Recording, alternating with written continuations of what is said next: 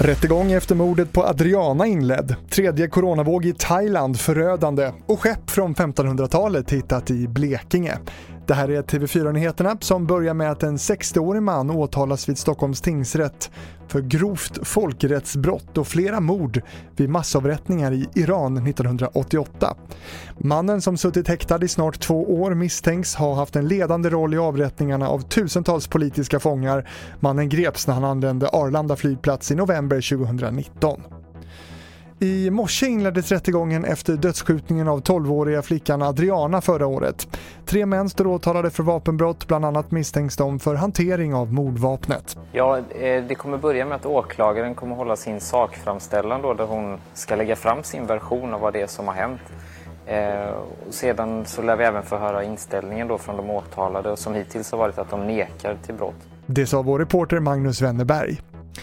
Till Thailand nu. Den tredje coronavågen har varit förödande för landet och antalet dödsfall har snabbt skjutit i höjden, det skriver The Guardian.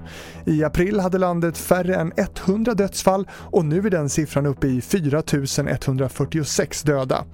Vården är hårt belastad och bilder på sociala medier visar hur minst två sjukhus har placerat sjukhussängar på sina parkeringsplatser. En kropp placerades förra veckan på trottoaren i Bangkok och blev kvar i flera timmar vilket ledde till stor ilska i staden. Och så avslutar vi med att dykare från Blekinge museum har hittat ett 16 meter långt skepp från 15 eller 1600-talet på botten av Mörrumsån. Dykningarna är en del av en kartläggning av borgen Sjöborg vid medeltidsstaden Elleholm utanför Karlshamn. Fyndet väntas ge ny information om platsen och livet där.